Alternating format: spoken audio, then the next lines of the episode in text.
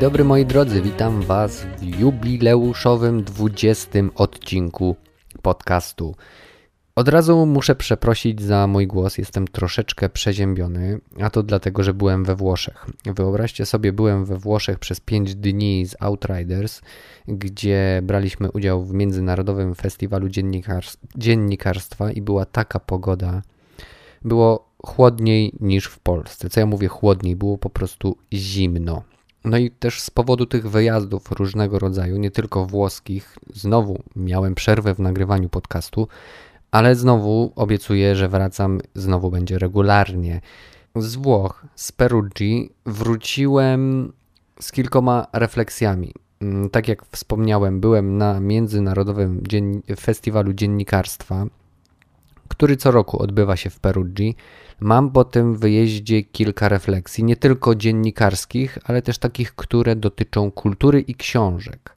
No i chciałbym się w dzisiejszym odcinku z Wami podzielić tymi refleksjami.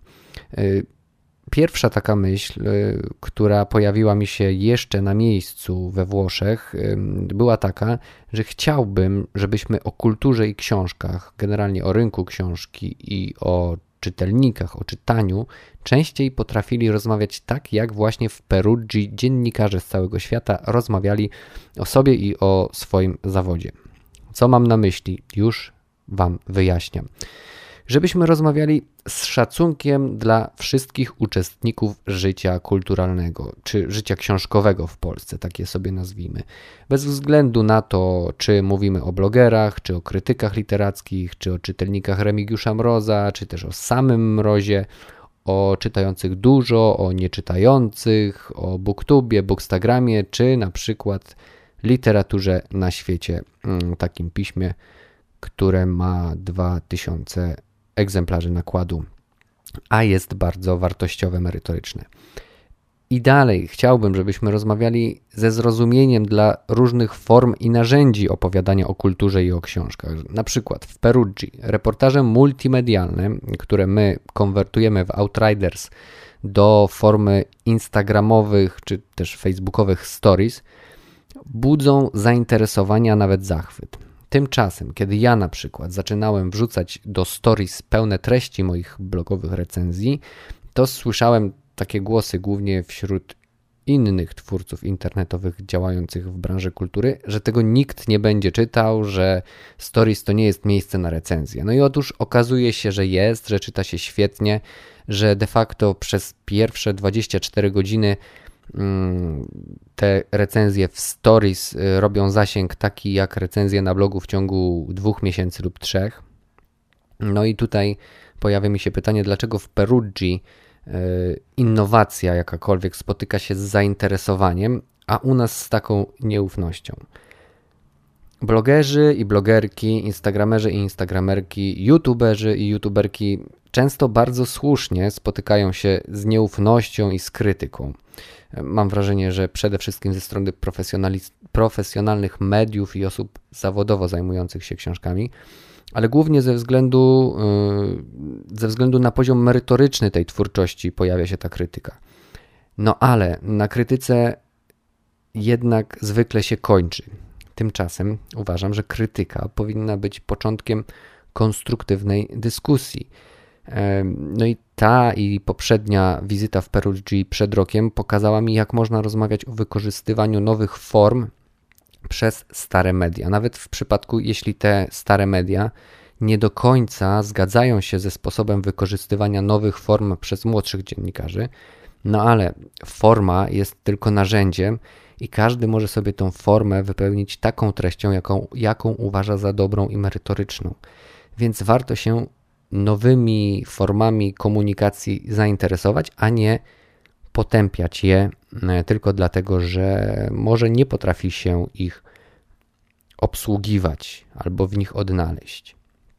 E, co było też fajne w Perugii, że tam każdy chciał się uczyć od każdego. E, na nasze panele, czyli na panele Outriders, mm, przychodzili przedstawiciele dużych mediów, które istnieją na rynku od lat, a Outriders to jest dziennikarski startup, który chyba półtora roku dopiero działa, mniej więcej. ale wielu dziennikarzy uznało, że może się czegoś nauczyć od takiego młodego zespołu, może w jakiś sposób czerpać z naszego doświadczenia. No i tak mi się pojawiło w głowie pytanie, ilu profesjonalnych krytyków literackich przyjdzie na panel blogera. No właśnie, wydaje mi się, że niewielu, nawet jeżeli bloger opowiadałby o właśnie formach docierania do czytelnika, o formach dystrybucji treści, które się produkuje. Przedstawiciele mediów z całego świata obecni w Perugii wydawali mi się, wydawało mi się, że rozumieją, że nawet dobra historia, świetnie przygotowany reportaż czy news sam się nie obroni, no i właśnie potrzebuje oprócz interesującej treści także ciekawej formy. O. Karetka leci.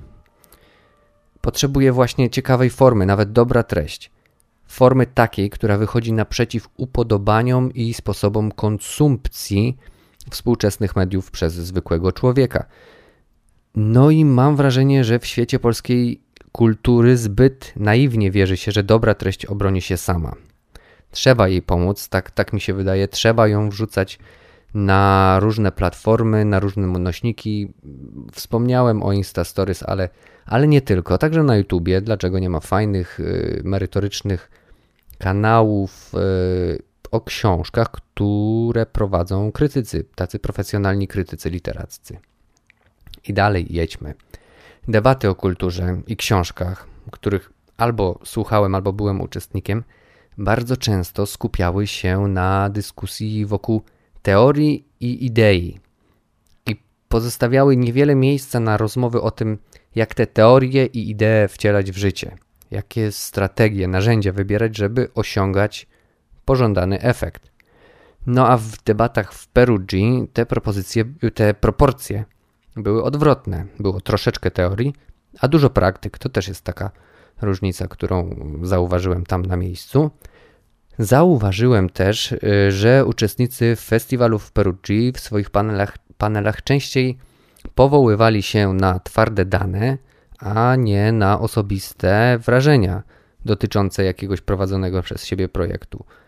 Właśnie mierzenie efektywności działań było ważnym elementem tych analiz, analiz tych projektów, a u nas, hmm, no zadam takie retoryczne pytanie. Ileż to pieniędzy wydaje się, głównie pieniędzy publicznych, na bezsensowne programy, kampanie, których efektywność, których efektywności nikt nie mierzy tak naprawdę. No i już zupełnie na koniec, bardzo wyraźnie dało się w Perugii odczuć, że dziennikarze rozumieją, że świat się zmienia, że zmieniają się media, że trzeba tym zmianom wyjść naprzeciw, zamiast siedzieć z założonymi rękami i czekać i, i czekać na coś, nie wiadomo na co, i narzekać, jak kiedyś było fajnie, a teraz nie jest. No i to jest tyle moich takich przemyśleń z Perugii na temat dziennikarstwa, ale które można jakoś tam sobie odnieść do naszego świata kultury w Polsce. Bardzo dziękuję Wam za uwagę. Dziękuję za wysłuchanie tego 20 odcinka. Mam nadzieję, że pozostaniecie ze mną na dłużej i doczekamy wspólnie 40, 60 i później nie wiem jakiego 200 odcinka. Bardzo dziękuję Wam za uwagę. Do usłyszenia następnym razem. Już mam nadzieję, że będę zdrowy i będę miał normalny głos. Hej!